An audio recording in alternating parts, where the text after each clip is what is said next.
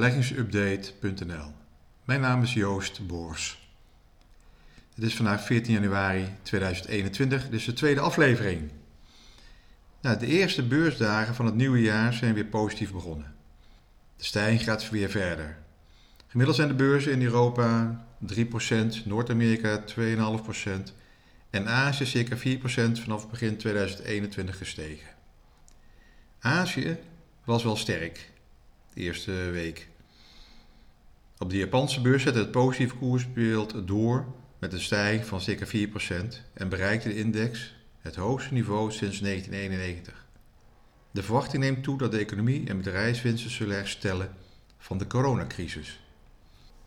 Het afgesloten belangrijke handelsakkoord met 15 landen in november in en om de Aziatische regio draagt daaraan bij. De aantrekkelijke waardering van Japanse aandelen in combinatie met het verbeterde koersbeeld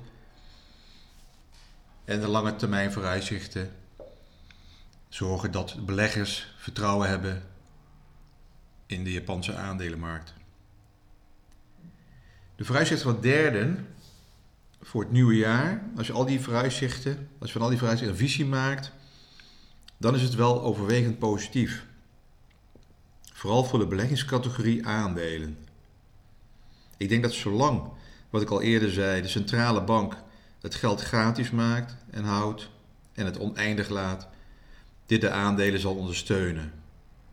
Er is zoveel geld, geld in overvloed.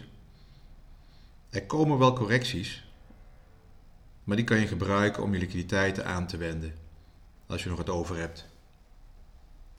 Ik meld ook al dat dit nieuwe jaar nog steeds volatiel zal blijven. Dus denk wel aan je bloeddruk. Nou, hoe zien die uh, vooruitzichten van analisten, behalve het, het geografisch gedeelte, uh, waarbij Azië uh, en China populair zijn, met natuurlijk ook Noord-Amerika. En het komt ook door de technologie sector overal weer genoemd wordt. Dat houdt ook nooit op. En daarnaast de achterblijvers uit de financiële sector en de energie. Analisten, vermogensbeheerders en pensioenfondsen volgen meestal de MSCI World Index. En dat betekent, als je niet te veel wil afwijken, dat Noord-Amerika een belangrijk onderdeel zal moeten zijn in je portefeuille. Noord-Amerika is tenslotte 65% van deze index. Nou, de eerste vijf beursdagen van afgelopen week zag ik een voorste stijging van de financiële waarde en de energiesector.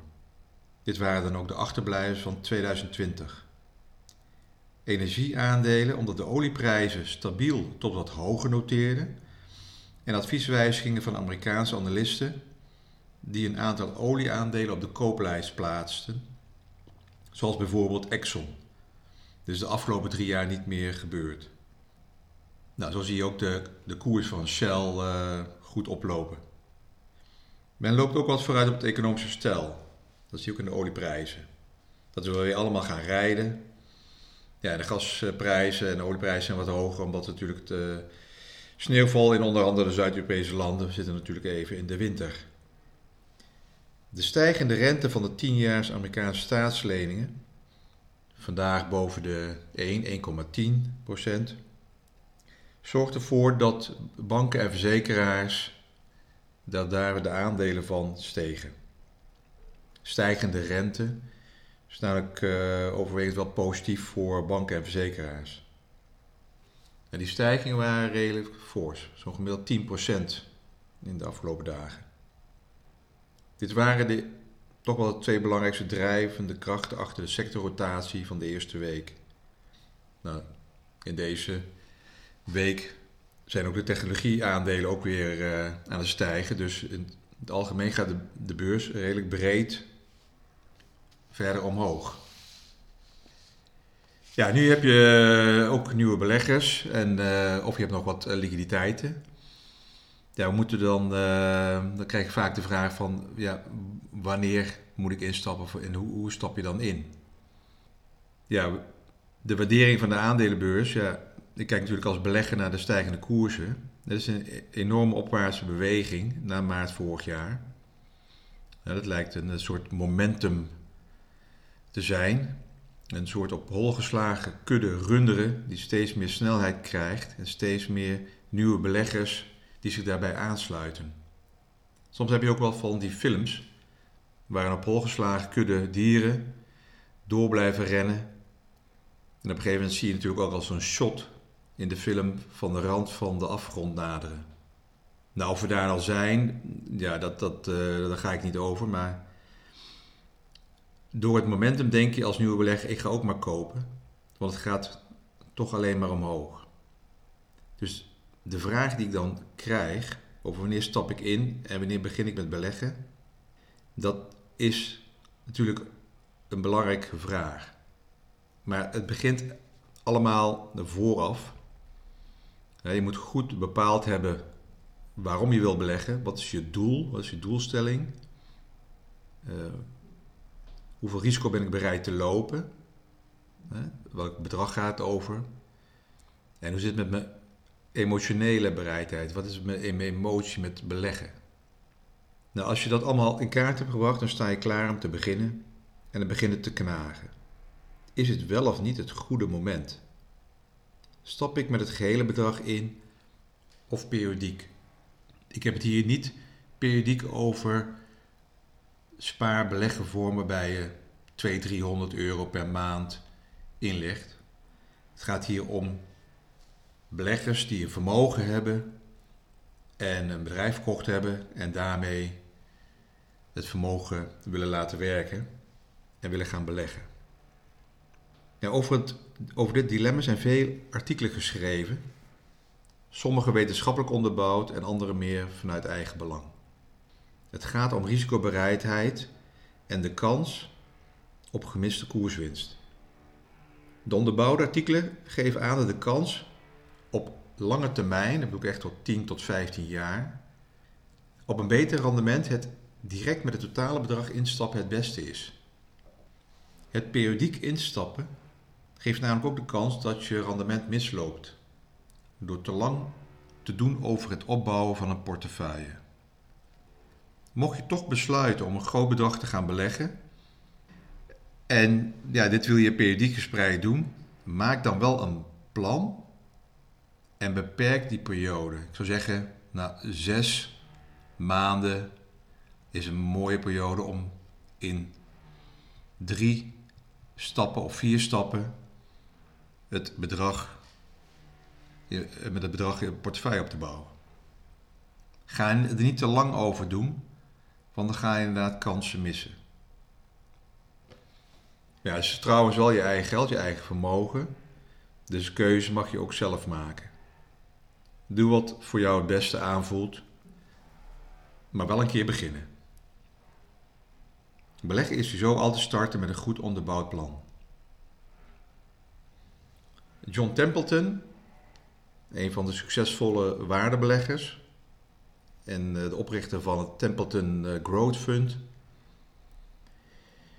die had een hele mooie spreuk. Die zei: The four most dangerous words in investing are: This time it's different.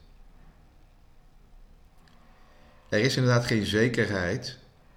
Beleg gaat altijd gepaard met risico's. Je moet zelf inschatten welk risico kan en wil ik lopen. Met spreiding, diversificatie, een lange termijn en focus op waarde kan je het risico wel verlagen.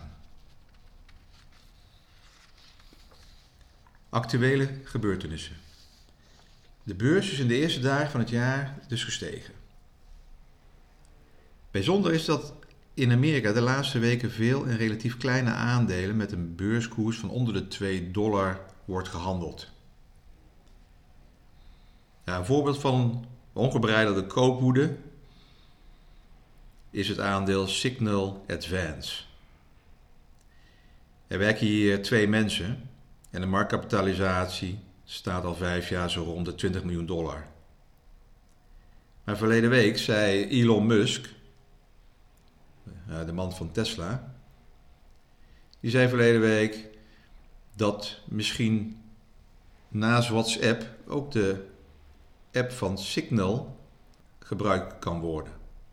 Signal App is een non-profit organisatie die een communicatiesysteem heeft en is niet beursgenoteerd.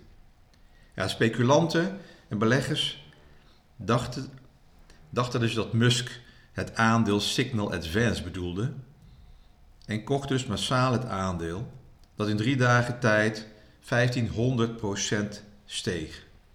Allemaal gekkigheid dus. Let op, laat je dus niet meeslepen.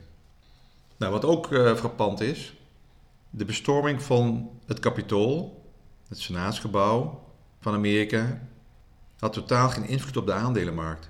Diezelfde avond sloten de beurs in Amerika zelfs met een winst van 1 tot 1,5 procent. Ook de lopende afzettingsprocedure van president Trump is nu in volle gang. Maar ook daar maken beleggers zich totaal niet druk om. Eigenlijk kijken ze en luisteren ze alleen naar wat de centrale bank in Amerika zegt, de Fed.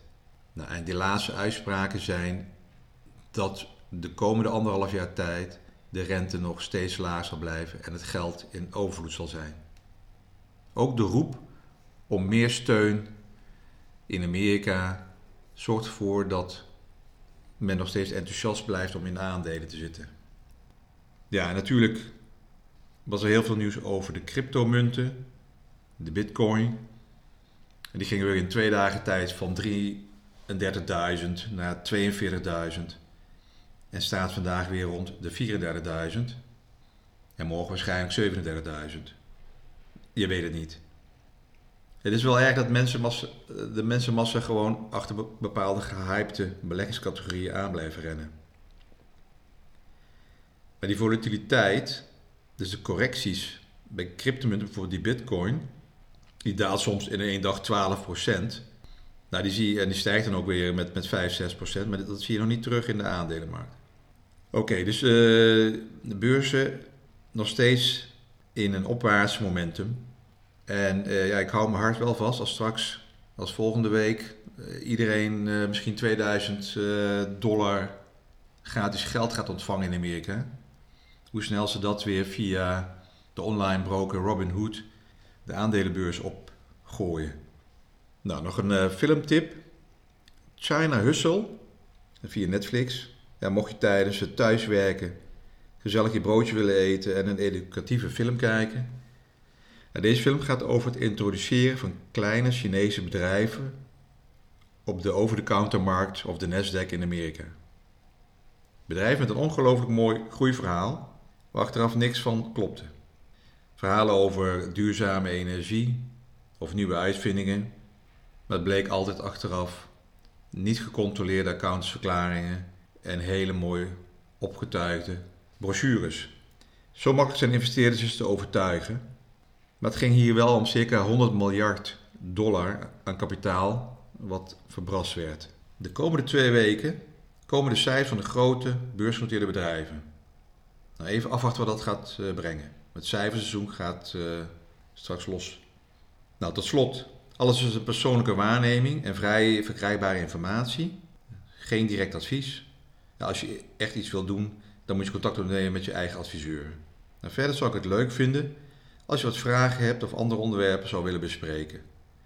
Dan kan je altijd mailen naar info.beleggingsupdate.nl Dankjewel voor het luisteren en tot de volgende week.